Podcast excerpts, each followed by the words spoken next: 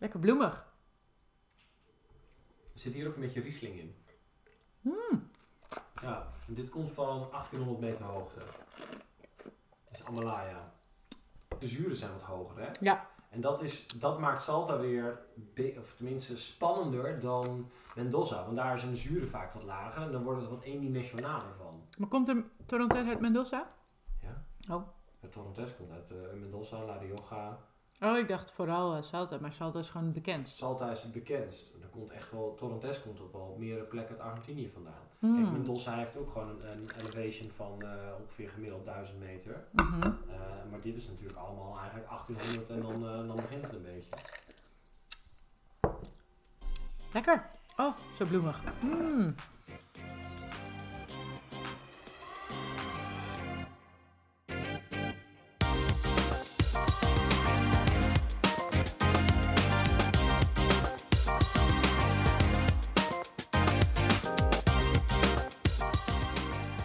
Oké, welkom bij een nieuwe podcast. Mijn naam is Nadine En, en mijn naam is Jan Jaap. en vandaag gaan we het hebben over Salta. Een van mijn nieuwe obsessies, als Ja. het ware. Nee, het is... ehm, eh, ja, af en toe dan, dan loop je ergens tegenaan. En het leuke is dat we nu een podcast maken. Maar dat het eigenlijk een podcast is geweest die ik zelf heb geluisterd. Die mij, zeg maar... Inspireert. heeft geïnspireerd. En die- en die was dus ook voor Wine for Normal People. Dus die kan je ook zeker luisteren als referentiekader. Maar dan hadden ze het over Salta. En ik moet heel eerlijk bekennen, tot op anderhalve maand geleden... Als iemand mij had gevraagd van waar ligt Salta? Nou ja, voor WZ4 had ik het wel moeten weten. Ehm, maar wist ik het wel. En ik heb het ook ooit eerder geproefd. Eh, en iemand heeft me toen ook uitgelegd, ja, hoge wijngaarden. Maar dat was het ook. Mhm. En toen ben ik daar eh, research in gaan doen. En toen was ik op een wijnbeurs. En dan ga je net wisselen van menu eh, bij Bentink. En dan denk ik, ja weet je, ik wil weer iets moois. Ik wil weer iets bijzonders. Ik wil een wijn met een verhaal hebben. Ja. Ehm, en toen liep ik toevallig tegen de leverancier aan in Nederland, eh, Ovino. Komt Ehm, ineens allemaal op je pad. je komt ineens allemaal op je pad. En toen liep ik dus tegen Roel van Ovino aan. En die importeren dit dus. En ik zei, ja, dat wil ik toch wel even proeven. Vind ik toch wel interessant. Laten we gewoon een afspraak maken. Ja. En eh, ja, zo het geschiedde eigenlijk. En zo eh, begon de obsessie van Salta. En je bent nog steeds ook echt eh, verkocht. Ik ben nog steeds verkocht. Ja. En er staat nu ook op de kaart? Het staat Kom- op de kaart. Ja? Welke? Ehm, nou, ik heb van hem ehm, Magnums opgekocht. Mhm. En dat is wel, dat is echt episch. Het is 2011. Mhm. Die hebben ze gemaakt eh, eerder van 10 jaar bestaan. En die Magnums, dat is 100% Malbec. Ja. eh 2011. Mhm. En dat wordt dus geblend van wijngaarden van 1700, 2300 en 2600 meter hoogte. En dat is zo'n bizar goed glas. Ja, ja, ja. Dat ik me echt gewoon bijna niet voor kan stellen dat er niemand zo gek is geweest om al die flessen op te kopen. Maar goed, dat heb jij nu gedaan. Ja, ik- redelijk wel. Ja, Redelijk zo. ja redelijk. Het is, eh, het is redelijk opgevolgd. Malbec. Ja. Leuk. Ja, we duiken gewoon in de wereld van Salta. Ik laat me ook een klein beetje verrassen, want ik weet er weinig van. Ehm, ik heb wel wat kleine feitjes, dus la- laat ik die even opdreunen. Ja, leuk. Eh, Salta ligt dus in het noorden van Argentinië. Ja. En het is eh, de vierde grootste eh, wijnstreek van het land. Wist ik zelf niet. Ja, Maar- ze, hebben om en bij de mm, 3000 hectare aan wijngaarden. Is nog steeds niet heel erg veel in vergelijking met Mendoza. Nee, want dan is het echt gewoon mini. Ja, Maar ja, dat, die steekt er natuurlijk ook met kop en schouders bovenuit. Ehm, maar ze krijgen wel steeds meer eh, aandacht en ook geld, investeringen van Argentijnse en buitenlandse wijnmakers. Dus dat, eh, dat gaat goed. Nou, wat is er bijzonder aan? Dat is eh, denk ik het, de, de ligging, klimaat, terroir. ja en dan, dan moet je eigenlijk een beetje bij het begin beginnen. Want Mhm. Salta is, als je logisch gaat nadenken, hartstikke ongeschikt voor wijnbouw. Ja. Dat is natuurlijk al hilarisch. Want hoe kan iets wat totaal ongeschikt is voor wijnbouw... En waarom is het ongeschikt? Nou, Salta heeft een woestijnklimaat. Dus Ja. dat betekent, het is daar gort en gort droog. Eh, valt tussen de 100 à 250 mm per jaar. Ja. Eh, maar dat is wel op de laagvlaktes. En juist op die laagvlaktes is het zo warm. Want is het zo ligt droog. natuurlijk ook heel dicht bij de Evenaar. En Salta heeft dus iets unieks wat ze zichzelf hebben eigen gemaakt. Want omdat het zeg maar eh, laag, bij die laagvlaktes zo ontzettend warm is, eigenlijk te warm voor wijnbouw, ehm, konden ze maar één ding doen. En dat is de hoogte in. Ja, En, en dat, is, dat is dus wat ze daar doen. En dat is hetgeen wat juist zo interessant is voor die druiven. De hoogte. ja, En eh, dat hebben ze gedaan. Eh, in Salta vind je dus wijngaarden tussen de 1700 meter hoogte en de 3111 meter hoogte. Wat ook de hoogste wijngaard ter wereld is. En die gaan wij ook proeven vandaag. Eh, dan hebben we meteen maar weer iets wat we kunnen afstrepen van onze wine bucketlist, zeker weten. En, eh, maar dat woestijnklimaat is dus heel interessant. Want het is dus heel erg droog. Er valt weinig regen. Het zijn Eh. een van de, de wijngaarden zijn een van de weinigen die zo eh, dicht bij de Evenaar zijn Ja. ter wereld, Het zeg is, maar. het is zeg maar, in Salta zoek je dus behalve het, het klimaataspect ook letterlijk de grens op van waar volgens de, de richtlijnen Ja. nog wijnbouw kan mogelijk is. plaatsvinden. Ja, zeker. Ja. Nou ja, en we hebben natuurlijk geleerd dat elke 100 meter de temperatuur zakt, daalt met ongeveer 0,5, 0,6 graden. Eh, dus dat maakt het natuurlijk, eh, dat maakt het mogelijk. En dat maakt ook die extreme condities. Want overdag is het natuurlijk nog steeds Ontzettend warm. heel, heel warm, ja. Maar s'nachts koelt het het mega af. En wat je ehm, eh, voornamelijk ook eh, ziet, is dat ehm, overdag de, de dagen zijn soms wat korter. Mhm. Maar je hebt intense eh, zon, ja, sunshine, Ja. zonneschijn als het ware. En dan koele nachten. En dat gigantische verschil in temperatuur, wat we heel mooi dus diurnal range noemen, Ja. dat is waanzinnig goed voor het behoud van de zuren en de smaak in de druiven. Ja. Ehm, ja, want dan krijgen ze eigenlijk even natuurlijk rust s'nachts. Ja, En daardoor eh, behouden, die, behouden inderdaad die zuren en begint het volgende dag weer opnieuw. En worden ze dus heel erg ehm, intens mhm. qua geur. Eh, ik heb ook wel eens gehoord. Nee, dat, dan ga ik straks komen we daarop terug. Want dat hoort bij de, bij de grape varieties. En we moeten eerst nog eventjes naar het klimaat. Want ik zie hier ook dat er wel soms wat schaduw is. Omdat eh, het ligt hoog, maar er zijn heel veel eh, bergen daar. Dus ze krijgen nog soms wat schaduw Ja. van een, een nabijgelegen andere berg. En ehm, de zondawind. Ja, en zeg maar, wat jij ook uitlegt, ehm, ja, die, die, die wind is dus heel erg leidend, maar ook zeg maar dat stukje schaduw Ja, eh, van de bergketens eromheen. Dat zorgt er dus voor dat ze wel een bepaald gedeelte van de dag echt vol in de zon staan te branden, als het ware. Maar ook korter. En dat is ook wel leidend, want juist omdat het korter is, wordt het ook zeg maar niet zo extreem qua klimatologische omstandigheden. Dat het echt helemaal ongeschikt wordt voor wijnbouw. En dat zorgt ervoor dat het eigenlijk een beetje nog net in het midden Ja. te liggen. En die, die druiven kunnen zichzelf ook een soort nog beschermen. Ehm, lees ik. Dat, dat, dat ehm, ze eigenlijk zichzelf beschermen voor, dat, voor die, dat felle zonlicht. Doordat ze dikkere schillen krijgen. En nou ja, een kleine minder maken. Zeg maar minder druiven produceren. Ja, hoe dat, ik heb daar nog even, daar ben ik dus echt zeg maar helemaal de nerdmodus voor ingegaan. Want ik wou dit heel graag weten. Mhm, mhm. En er is dus een ehm, Nieuw-Zeelands onderzoek geweest. Want Nieuw-Zeeland is een ander land, hè, wat Zeker een unieke stijl heeft van Sauvignon Blanc. Dat heeft deels ook te maken een beetje met het gat in de Evenaar, wat je in Nieuw-Zeeland en Australië hebt. Waardoor UV-straling intenser is. Mhm. En ultraviolette straling, dat is, ik leg het altijd in eerste instantie zo uit. ehm, het is net als met mensen die op wintersport gaan. Ga naar Zulden, naar de gletsjers, 3000 meter hoogte. Het is een stralende dag. eh, de hemel is strak blauw. En alsnog zitten we met z'n allen gewoon buiten te lunchen terwijl het min 10 is. Maar omdat die zon, eh, zonnestralen zo intens zijn, ehm, verbranden we sneller. Maar hebben we ook het idee dat het warmer is. Ja. En met name dus die intensiteit van die UV-straling en het feit dat wij sneller verbranden, dat is doorslaggevend. Want als mens smeer je dus in, alleen een druif kan dat dus niet. En hoe het zat in die studie, Hmm. dat hebben ze dus opgezocht. Dus Ja. een, een druif is eigenlijk net als een mens. En Eh, je hebt het bijvoorbeeld ook in Italië gezien dat druiven zich eh, door de eeuwen heen eigenlijk ook evolueren en veranderen. Ja. En omdat het zo Aanpassen.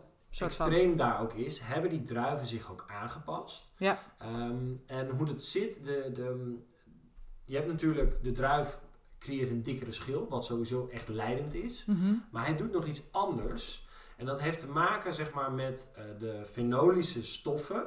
Hè, een, een fenolische stof is eigenlijk ehm, in nou ja, phenolic compound is iets wat de wijn zijn kleur, geur smaak Ja, heeft. ja, ja. Alleen dat de druif zeg maar, in de schil, in het pigment, een soort van stof aanmaakt.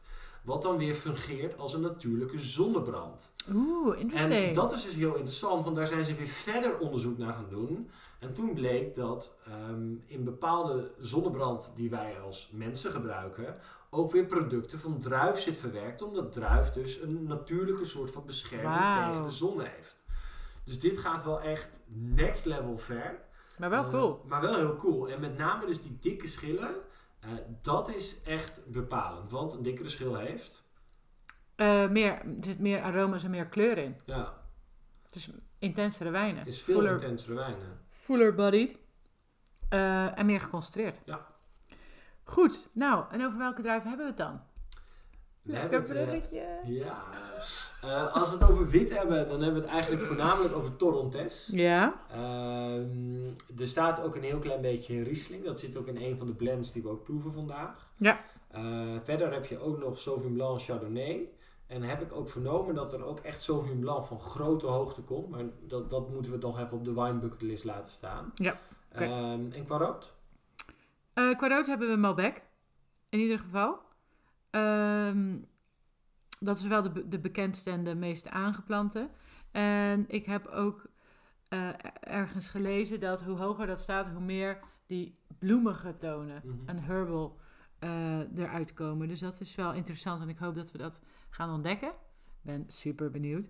Eh, verder staat hier ook dat Cabernet Sauvignon Bonarda Syrah aangeplant is. En dat Tanat ook wel veelbelovend is in dit gebied. Ja, Ta- Tanat is echt ehm, dat is een hele interessante. Want Tanat kennen we vanuit eh Madiran. En eh, Uruguay. en Uruguay. Eh, en ja, Madiran is echt zeg maar die stijl die je jaren moet wegleggen. Omdat Tanat samen met de Shiraz, Cabernet Sauvignon ehm, en Nebbiolo de druif is met zeg maar het meest intense tanninegehalte. Ja. Eh, alleen juist op deze hoogte en ook in Uruguay vind je een veel verteerbaardere stijl van Tanat. En dat heeft dus ook weer met die hoogte te maken, de lage opbrengst. Mhm. Ehm, en misschien wat minder schilcontact ook. Eh, Ja. Maar Tanat is echt wel veelbelovend. Ben benieuwd. Ik heb het één keer gedronken uit Uruguay. En, Ma en Madeira dan. Ja. Ja, ik heb Uruguay al een aantal keer vaker gehad. En ja, Argentijn zit, zit nu in de blend. Dus het is niet 100%, maar het is wel degelijk interessant. Wat, wat staat hier allemaal voor ons? Ja, we hebben de, de wijnen van eh Colomane. eh, Donald Hess. En dat is een, eh, dat is een Amerikaan. Die eigenlijk zijn, zijn tweede plek. Ja, je zei het al, hè, investeerders en andere wijnboeren van over de hele wereld vinden met name Chili en Argentinië interessant. Ja. Hè, er zijn ook veel samenwerkingen met toonaangevende ehm, eh, wijnhuizen. Mhm. En hij is er één van. En ze zijn nog niet eens heel erg lang geleden. Het zal eh, ergens begin 2000 geweest zijn. ehm, zijn ze daar dus helemaal begonnen. En in 2003 is het dus ook echt helemaal opgericht en open gegaan. In 2001 hebben ze alles gekocht. En ehm, inmiddels maken ze nu dus al zo'n 20 jaar wijn. En die kennis en kunde, ja, dat ga je nu proeven. En ze hebben nog een andere wijn, dat is eh, Amalaya. En dat is een, iets wat commerciëlere stijl. Eh, ook heel toegankelijk, heel benaderbaar. Maar het zijn echt wel zeker wijnen met een, eh, een, een heel groot potentieel. Oké. Oh, ik ben eh, zeer benieuwd. En is het... Gaan we alleen maar Malbec? Is het alles is Malbec? Nee, we hebben um, Malbec, maar we hebben ook Bonarda. Oh ja, die ben ik ook heel benieuwd naar. interessant is. En eh, de Amalaya, de rode, de Gran Cortese. Dat is een, eh, uit mijn hoofd een blend van Malbec, Tanat en Cabernet Franc. Dus dat is wel echt heel interessant. Zeker. Ehm, ik denk dat we dat eh, maar moeten gaan... eh, wil, of wilde je nog iets anders eh, zeggen over deze regio? Ehm, nee, ja, we gaan het denk ik tijdens het... We gaan een beetje proeven. Oh ja, we dan- hebben hier ook nog een... Ja, ja, en dan misschien is het tijdens het proeven, want dus echt die, die hoogte, die aspect is dus leidend voor de stijl van de wijn. ja, Ehm, je hebt dus bijvoorbeeld ook Torrontés uit andere delen van Argentinië. Alleen wat bijvoorbeeld Torrontés weer zo bijzonder maakt ten opzichte van de rest van Argentinië is door de grote hoogte, het verschil in temperatuur tussen dag en nacht, is dat de wijnen hoger in de zuren zijn.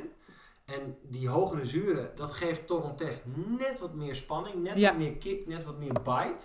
En maakt de wijn gewoon echt interessanter. Ehm, en ik denk dat we gewoon een beetje eh, moeten gaan proeven eh, en het gaan ervaren. goed idee. Heel goed idee. We hebben dit keer wel een spuugbakje eh, erbij ja, gezet. Dus je hoort ons af en toe een beetje slurpen, maar Ja. dat, eh, dat is beter dan als we met dubbele tong praten. Nou, dat dacht ik ook. En ik moet nog lesgeven, dus ja, je wilt haar ook wel een beetje normaal doen, hè? Zo gaat dat.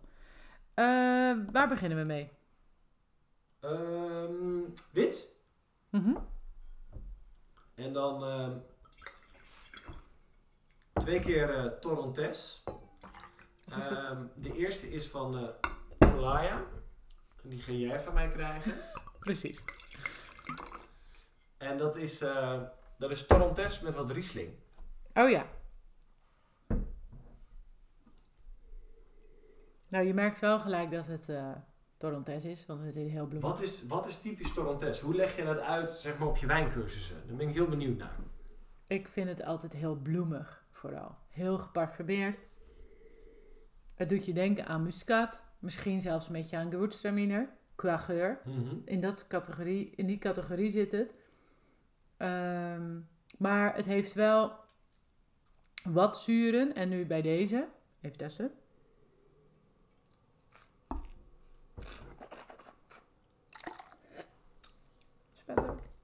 Merk je dat die zuren eigenlijk ietsje hoger liggen dan normaal. Ja, Want eh, dat komt waarschijnlijk door die, door die Riesling. Is het 20%? Wat zei je ook weer? ja, 10 of 20 procent. Dat was niet helemaal eh, duidelijk. Maar dat doet al wel veel. Ja, Want het, heeft net, het is net iets strakker. Eh, de body is daardoor net iets, iets minder vol. Ik zou zeggen medium minus. Eh, of ja, ja, ik denk medium minus. En ehm, ja, het is wel, het, het, is, het is een leuk glas. Ja, en dan heb je die, eh, die andere, die komt, eh, de Amalaya komt trouwens van 1800 meter hoogte. Mhm. En dan proeven we nu weer een van 1700 meter hoogte van Colomé, waar we het zo net over hadden, van Donald Hess. En ehm, deze heeft ietsje meer dikte, dus 13,5% Ja. alcohol. Ehm, is wel ietsje milder ook weer in de zuren. Maar het is wel echt een heel gena- aangenaam, tropisch, floraal. Het heeft ook iets van lychee ook. Ja, Ehm, maar weet je, ik vind Torrontés altijd wel, over het algemeen is de prijs-kwaliteit vaak goed. Het is geparfumeerd, je weet wat je krijgt. Ja. Nou wat ik wel altijd leuk vind bij de cursus is dat mensen denken dat het zoet is.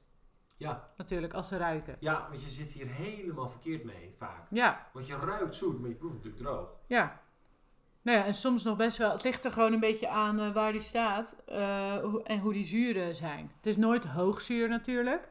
Ehm, maar ja, het maakt het wel nog wat frisser. Oh. En eh, volgens mij is eh 95% van de Torrontés unoaked. Ja. Ik heb eigenlijk nog nooit een, eh, ge- een gerijpte. Nee, het is, het is in principe hetzelfde als met Riesling. Het zijn eh, druiven met een bijzonder groot aromatisch profiel. Ja. Net als muscat, dat zijn druiven over het algemeen geen hout krijgen. Nee, best natuurlijk delicaat. Ja, En hout zal er overheen gaan en is gewoon geen lekkere match. Nou, ik heb ooit een keer, ja, dat is, dat is vorig jaar geweest. Ik, daar ben ik tegen aangelopen. Riesling van Grote Post uit Zuid-Afrika. Ja, 50% nieuw hout oké. en 50% eh, gewoon RVS. Ja, en? Bizar. Goed. Dit was echt nog lekker ook. Maar het Hmm. was echt, dat was ook tijdens een blackout en de stroom is uitgevallen. Dus dan op dat moment is alles romantisch. Ja. Maar Oh, dat het is leuk. echt wel eh, een bizar glas. Nou, mooi. Kan dan toch? Ja. Misschien is er wel een eh Torrontés met hout.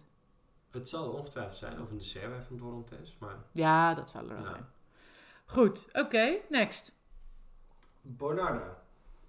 Wat staat er nog meer op de fles? Wat kunnen we daar nog meer over vertellen? De Bonarda komt van, eh, eens even kijken, deze kwam volgens mij van 1700 meter hoogte. Mhm. De La Brava Vineyard van Colomé. En ja, Bonarda is wel een hele grappige druif, vind ik. En dan mag jij er zo nog wat meer over vertellen. Maar Bonarda is ehm, de op twee na meest aangeplante druif van Argentinië. Maar is echt een druif die... Argentinië heeft nogal een boom meegemaakt in de wijnhistorie. Eh, die ging op een gegeven moment mega hard, omdat de binnenlandse markt gigantisch veel wijn dronk. Ja. En van Bonarda, weet je, het was eh, makkelijk te groeien, high yielding. Dus het was echt een prima druif voor gewoon basic wijn. ja. Ehm, maar dat is ook weer een beetje de ondergang geworden. Want juist daardoor, toen het allemaal een beetje slechter ging, gingen we minder drinken. En werd Bonarda een beetje zo-zo. Eh, terwijl het, het zijn niet wijnen die in dit geval misschien wel wat langer kunnen ouderen. Maar het zijn wijnen die over het algemeen best wel jong, fris, sappig zijn. ja. Ehm, en Het is gewoon het bekende verhaal. Het was een makkelijke druif, dus er werd makkelijk mee omgegaan. Maar als je dan toch eens even je best doet, eh, kan je er eigenlijk best wel wat moois van ja, maken. sowieso. Nou, het is wel te ruiken ook. Het is super sappig. Het is Heel echt mooi. een beetje, een beetje aardbeien, jammig. Wat, eh, wat ik er nog over wil zeggen is dat eh, ik altijd dacht dat, eh, dat het een Italiaanse druif was. En op zich is dat ook waar, want Bonarda is een Italiaanse druif. Er zijn er drie verschillende zelfs. Eh, Novarese, Bonarda Piemontese en Bonarda Oltrepo. Maar ehm, daar, die hebben niks te maken met Bonarda uit Argentinië. Het is echt helemaal op zichzelf staand. Hè? Ja, het is eh, uit het DNA-onderzoek gebleken dat dat, dat dat gewoon een heel ander druifras is. Hier staat wel dat het is, ehm, dat het is ehm, gerelateerd aan Californisch Charbonneau. Dat klinkt wel heel eng. Daar heb ik ook nog nooit van gehoord. En die is eh, hetzelfde als Douce Noir uit Savoie. Ja, nee, ik heb dat wel gelezen ook Oh, in de, ik heb het nog nooit Oxford gehoord. Companion to Wine. Ook. Dat is Dus- dit? Oh, dat is dit. Oh, dan heb ik dit echt precies ook allemaal gelezen. Ja. Ja. Ehm, maar goed, dus dat is even een klein, klein feitje. Ehm, ja, laten we hem gewoon even proeven. Ja, het is echt... Diepe kleur sowieso. Ja, en dat is dus weer door die dikkere schillen natuurlijk. Hè. Super intens. Paars misschien ook wel. Ja. Het is echt... Ik, ik moet ook zeggen, ik heb voor de, de podcast ook alle wijnen even gewoon doorgeproefd. Maar ik heb zelden zo'n- Gisteren of ja, vanochtend. Nee, gisteren. Maar ik heb zelden zo'n blauwe bek gehad na een paar wijnen als gisteren. Het was echt gewoon 10 minuten poetsen. Hmm. Om het allemaal weer wit te krijgen. Goed begin van mijn cursus dan vanavond. Sta ik daar. Ja. Wat vind je ervan? Ik, hij is eh, zwaarder dan ik dacht. Ja. Eh, maar ook meer tannines dan ik dacht. Nou, ik vind het tannine niet heel heftig nog Nee, ze zijn ook heel rijp en Maar zacht. heel rijp en zacht. Maar ze zijn wel degelijk aanwezig. Ja, het is, heeft echt wel body, 14,5% alcohol. Misschien kan je hem toch ook iets koeler schenken. Denk je niet? Ja, dat zou, dit zou niet meer staan rond 50, 60 graden. Mhm. Omdat je heel erg zeg maar dat kers, bessen Mhm. en, en aardbeien jamachtig hebt. Echt een beetje dat jamachtig in de neus. Bramen, Bramen Ja. jam. Best lekker. Hoeveel kost dit dan? Dit is, eh, eh, even zien, consument ergens tussen de 15 à 20 euro. Wat echt gewoon heel ver is. Zoethout. Zoethout, ik had ook echt iets dropachtigs. Mhm. Maar voor een druif die eigenlijk wordt gezien als iets wat je dan maar maakt voor wat je gebruikt voor bulkwijnconsumptie, is dit, dit zou je daar totaal niet mee associëren. Het is echt wel, het heeft power, het heeft smaak, het is eigenlijk easy going. Want het is niet heel erg ingewikkeld, maar het is wel wat complexer dan de gemiddelde supermarkt Merlot natuurlijk. Ja. Dus het is echt wel een, een wijn voor alle dag. Ik denk nu ineens aan Blauw Frankish. Oh, ja. Nee, snap ik wel. Ook heel mooi een beetje dat lichtvoetige, dat sappige. Ja. Nou, ik had vorige week dus een proeverij met Blauw Frankish. En toen dacht ik de hele tijd aan Syrah. niet toen ik eh, proefde, want toen ik proefde had ik al door dat het niet Syrah was. Maar gewoon die geur, hij had ook een beetje dat, eh, dat eh, braam en die, die ja, iets kruidigs. Niet te veel kruidigs. En niet zozeer dat leer, maar op de een of andere manier dacht ik wel van wow, als ik dit krijg op een examen en je, je, je, gewoon blind, nou, moeilijk. Maar goed, waarschijnlijk krijg je dan een Bruno Veldlinger daarnaast en dan snap je het wel. Ja, Maybe not. Maar ja, mooi. Blijft, eh, blijft lang ook. Medium zuren. Medium plus tannine. Maar super ripe. ja. Medium plus body. Medium plus afdronk. Ja, dat is wel very good. Zeker. Ja, is beter dan good. Is beter dan Jacob's Creek. Zeker weten. Hallo. Ik heb liever dit. Man, man, man. Oké. Wine number two? Of is dit... Maar dit is toch de Ja, dit is... dit- Maxima? Ja, Altura Maxima. Oh mijn god. Dus dit is de hoogste dit wijngaard is ter de wereld? hoogste commerciële wijngaard ter wereld. 3111 meter. We zitten weer in ons glas. Het is toch niet te doen? Het is echt, dit is ook mede mogelijk dankzij Roel eh, van Ovino. Want als... Even eh, proost op Roel. Ja, Roel Bedankt. op Ovino jongens. Want eh, zij importeren dit dus. Zij hebben dit dus. En dit is ook echt prijzig. Dus dit kan je ook niet zomaar elke dag drinken. Ehm, maar het is wel zeg maar Malbec van absolute wereldklasse. Topklasse. Van grote hoogte. Malbec van grote hoogte. Malbec van grote hoogte. Letterlijk en figuurlijk. En kijk dan ook die kleur. Ja, dat is jammer dat we... Ik denk dat we nog wel even een filmpje ervan maken. Ook, eh, Ja. Er komt ook nog een blog over Salta. Deep Ruby. Ja, Niet paars. Ehm, ja, ik denk dat het gewoon pronounced is. ja. En bloemig. Dat is het eerste. Violet. Ja. Alsof je zo een, een, een weiland vol met violetjes binnen loopt. Maar het heeft ook al, en dat is, zeg ik, dat vind ik altijd, van een, een grote wijn is ook jonger, dus dan 215, maar is jong ook al groot. En wat je hier merkt is ook al, het heeft al iets uit alle boxen. Het heeft iets uit primair, het heeft iets secundair, het heeft iets tertiairs. Ja. Het zit er allemaal in. Ja, frambozen, maar ook bramen. Ja, sowieso dat, dat gulle zwarte fruit. Maar ook iets van, ook een beetje gewoon rijpe frambozen. Iets Maar er zit ook iets, iets, iets klein groenigs in. Het zijn misschien de blaadjes van de violet.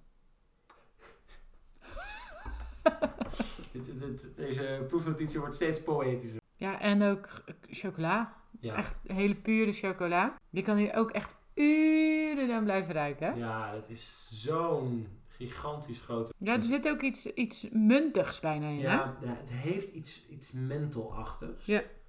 Ehm, het, het mooie is, het, is nog niet, eh, het komt niet van hele oude stokken. Dus eh, de, de wijngaard is in 2007 aangeplant.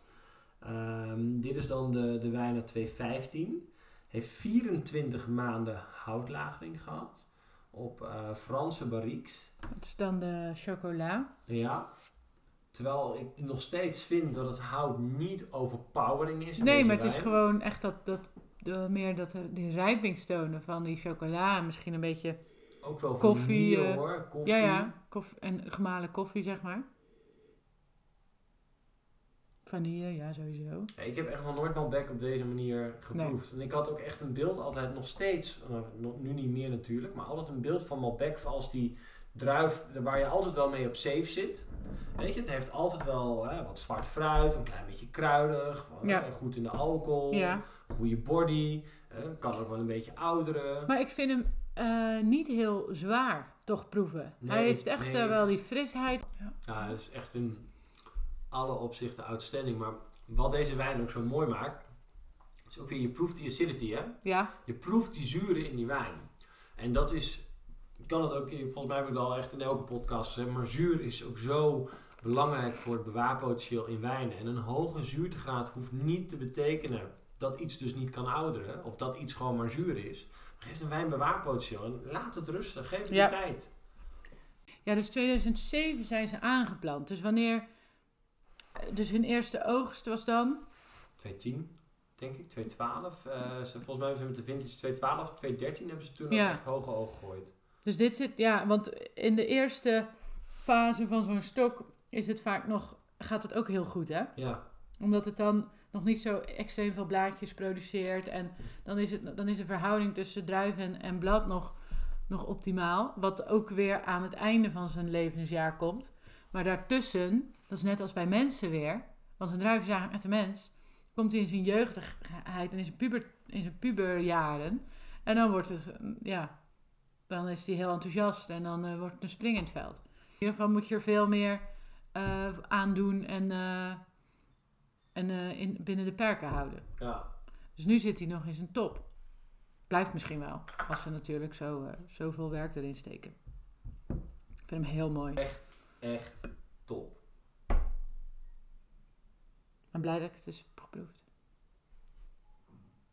Love it. Ik hou hem even, ik bewaar hem nog even voor straks. Ik zet hem even on hold.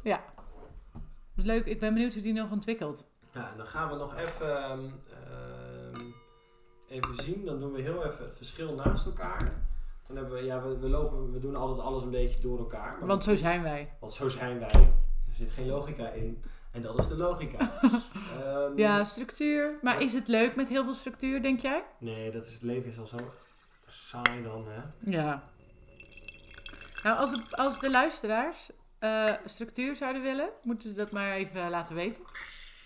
In de comments. Ja, als Ja. ze bijvoorbeeld zeggen van nou, doe maar gewoon meer alsof het een, een eh, soort van les is of zo. Of mogen we gewoon zo lekker een beetje keuvelen? Ja, maar weet je, dit is ook... En ik denk ook, weet je wat wel leuk is? We moeten op den duur ook gewoon een... Een, een, Le Club et Sommelier podcast event doen. Dan gaan we gewoon met z'n allen proeven. Dat Oh is God. echt... Dat event! Maar- Dat, de- er gaat sowieso een keer een event komen. Maar laat even weten ook gewoon eh, aan ons of jullie dat leuk vinden. En dan gaan we een keer gewoon zoiets op poten zetten. En dan Oh nemen we God. allemaal zelf ook gewoon iets mee. En dan gaan we gewoon lekker keuvelen. Want over wijn wordt al zo ingewikkeld gedaan, mensen. Doe mij niet. Het moet gewoon leuk zijn. Wij Nou. zitten hier ook lekker te keuvelen. Ja, dat sowieso. Maar ik ben in shock van deze eh, aankondiging. Ja. Leuk, leuk wel. Ja. ja, had je niet zien aankomen. Nee. Oh. Gaan we ineens een event doen? Ja. Oh my god. Nee, leuk. Oké, wat hebben we nu in ons Ja, we bouwen nu heel even op. Ehm, we gaan van eh, de hoogste wijngaard eh, ter wereld. Schalen we even terug naar Malbec. eh, dus een single vineyard, eh, 1700 meter. Gewoon even om het. we hebben, we, wij kunnen de wijnen natuurlijk naast elkaar proeven, maar je ziet iets minder kleurconcentraat. Hij is iets helderder, maar nog steeds echt dat, dat inktachtige, dat paarsige. Ehm, en het fruit is ook wat. Het is ietsje frisser. Een beetje bruin, blauw. Ja, deze is nu weer eh, inderdaad paarser, hè? Die vorige vond ik toch meer robijn. Zit ik gewoon niet goed in het licht. Nee, maar dit is echt zo ontzettend Ja, dit is paars, Ja, dat deze. is echt mega paars. En dit is ook gewoon wat meer op zijn primaire fruit. Ja, Ja, want je, dit... je, hebt ook wel, je, je hebt ook wel wat complexiteit wat naar voren komt van de, wijnma- eh, van de wijnbereiding. Hè, dus een beetje, een beetje het hout. Ehm, maar het is wel echt nog steeds heel erg mooi, heel geconcentreerd. Maar het is wat makkelijker te verteren. Ja, de intensiteit is inderdaad net iets minder. Mm. Als je- Hij komt bam even in je face en dan denk je, oh, maar het is wel aangenaam. Nou ja, door een- die zuren. Nou, het is een aangename klap in je gezicht. Right, right, right. Je moet straks ook nog een keer een cursus wijnbeschrijvingen gaan doen. een aangename klap in je gezicht. Ja, en van 1700 meter fietsen we meteen even door naar eh 2600. Ik hou dan deze even eh, nog in mijn glas. Ja, Vind ik wel leuk. echt even het verschil naast elkaar. En dan, ja, en dit is natuurlijk gewoon zo fenomenaal. Want nu kan je dus al die hoogtes naast elkaar proeven. En kan je dus ook zelf eh, dat beeld vormen. Wat dus hoogte doet met de concentratie van zo'n wijn. Oeh, het wordt stalliger. Je bouwt, zeg maar, ik heb het, zeg maar, wat mijn beeld is, is, eh, je bouwt 17 is heel erg primair. Dan drie- 1700 meter. Ja, dan ja. 2300 meter. Dan wordt het iets wat, het fruit wordt wat donkerder nog. Ja, sowieso. 2600 meter, wat je zegt, wordt ietsje animaler. Ja, dit is En dan- heel en- animaal. En dan de top van maar de wel top. nice. Ja, en de top van de top is, die heeft zeg maar alles van de onderste drie lagen. Die heeft het, het mooie fruit. het, het, het, het, het primaire fruit, maar ook een beetje dat houtgelagerde, dat, dat chocoladeachtige, dat stallige. Maar dan compleet in balans. En daarom is het zo interessant om al die hoogtes te proeven. Want het doet wel echt wat met die wijn. Even die, Ja. die tannines testen. Mm. Hm. Tannines in 17 zijn zachter. Die is drogender. Mm. Vind ik ook interessant. Het komt dan waarschijnlijk doordat er een, nog een groter verschil is tussen dag en nacht. En een, misschien een nog dikkere schil. Ja, want overdag is het natuurlijk de zon feller. Dus daarom moet hij een dikkere schil hebben. En dan s'nachts koelt het af. Ja, ja, ja. Dagen zijn misschien korter. Ja, Interesting. Nou, Ja. leuk hoor. dit is dus wel echt gewoon eh, super interessant. En weet je, bij Argentinië denken we ook allemaal aan Mendoza. En over Mendoza gaan wij ook zeker een keer een podcast doen. Ehm, alleen het is, ja, zoals wij natuurlijk zijn, een beetje lekker onlogisch om even met iets anders te beginnen. Ja, en lekker specifiek. Lekker specifiek, maar dat is wel zeg maar, hoe ik ook zeg maar, dit gebied heb ontdekt. Waar ik dacht van, wat komt hier vandaan? En Mhm. ook de prijs, kwaliteit van de wijnen is gewoon ontzettend goed. Er zitten verrassingen tussen. Het zijn intense wijnen. Ja. Het is wel een stijl, je moet er misschien een voorkeur voor hebben. Maar mijn voorkeur Nou, heeft het zeker. Ja, het is een stijl waar je voorkeur voor moet hebben, maar dan, dat vind ik misschien nog meer voor, voor Malbec uit eh, Mendoza. Dat is, dat is nog wel wat voller, toch? En wat Ja, veel, dat, is, dat is meer een klap in je gezicht, vind ik. Vaak. Het zijn Ja. natuurlijk ook wel hoogteverschillen en daardoor nu verschillen in, in zuren. Maar ik vind dit nu wel echt, echt heel ele- elegant en weer een heel ander eh Malbec dan ik eh, gewend ben. Ja, toch? ja. Ik denk dat we met deze proefnotities eh dan maar een, een eind aan de podcast moeten gaan breien. Ik wil nog even terug naar de hoogste wijngaard. Ja, Want dat glas blijft maar veranderen. hij maakte echt een evolutie door in het glas. Hè. En dat, dat is zo... Oh. Het wordt ook weer een beetje rood fruit. Ja, maar er komt nu, nu komt het fruit meer naar voren in de wijn. En net rook ik ook nog, had ik weer meer dat pure chocola. En dat wordt nu zwakt een beetje af. Ja. Maar nu heb ik echt een, een hele mixed, mixed bag van eh, red en dark fruits. Ook een hele rijpe aardbei bijvoorbeeld. Ja, maar ook echt, echt, echt... Bramen. Gedroogde pruimen bijna. Klein snufje vanille. Ja, in je stokje. Mm. Was weer leuk. Ja. Bedankt. Bedankt nogmaals aan Ovino. Ovino. voor het eh, sponsoren van de wijnen. En ehm, ga ook vooral naar www.ovino.nl als je dus meer informatie over deze wijnen wilt hebben en wellicht iets wilt kopen in de toekomst. Want ik kan het echt niet vaak genoeg zeggen. Dit is zo leuk om te ontdekken en zo gaaf om te proeven. En moet je gewoon een keer gedaan hebben. Ja, en ook geldt ook nog voor de Torrontés natuurlijk. Want ook altijd leuk om daarmee mensen voor... eh, eh, ja, een beetje te foppen. Ja, ja, mensen lekker voor het blok te zetten. Oh, Precies. lekker. Is het niet? Is het niet? Vet lekker. Ehm teaser voor de volgende podcast staat nog op, de lijst. Oh, dat is wel een hele goeie. Ja, maar we gaan iets doen met... Corpinat. Ja. Staat nog eh, op onze, Dus op onze to-do. En bij Corpinat denkt iedereen, kopie wat? Daar gaan we het dus over Ja. hebben. We gaan het allemaal uitleggen. We hebben het zo druk mee. We hebben het zo druk met deze podcast. Het is geweldig. Ehm, nou, dan eh, ga ik jullie weer vragen om natuurlijk een recensie achter te laten. Dat zouden we echt super leuk vinden. Ehm, want we hebben op zich wel, krijgen we eh, sterren, krijgen we beoordeling, maar geen recensie. En dat zouden we zo leuk vinden, Ja. om dat eens te horen. Ehm, maar aan de andere kant eh, krijgen we wel weer heel veel reacties op Instagram. Dus Ja. daar zijn we echt super blij mee. Vinden we echt heel leuk.